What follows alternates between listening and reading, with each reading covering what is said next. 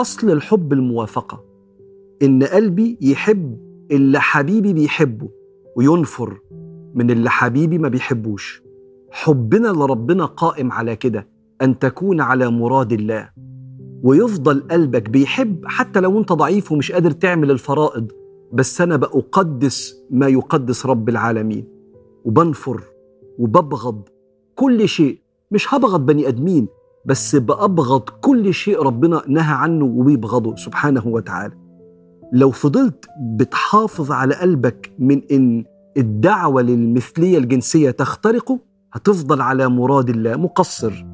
ماشي على سطر بتسيب سطر بس قلبك سليم. يوم لا ينفع مال ولا بنون إلا من أتى الله بقلب سليم.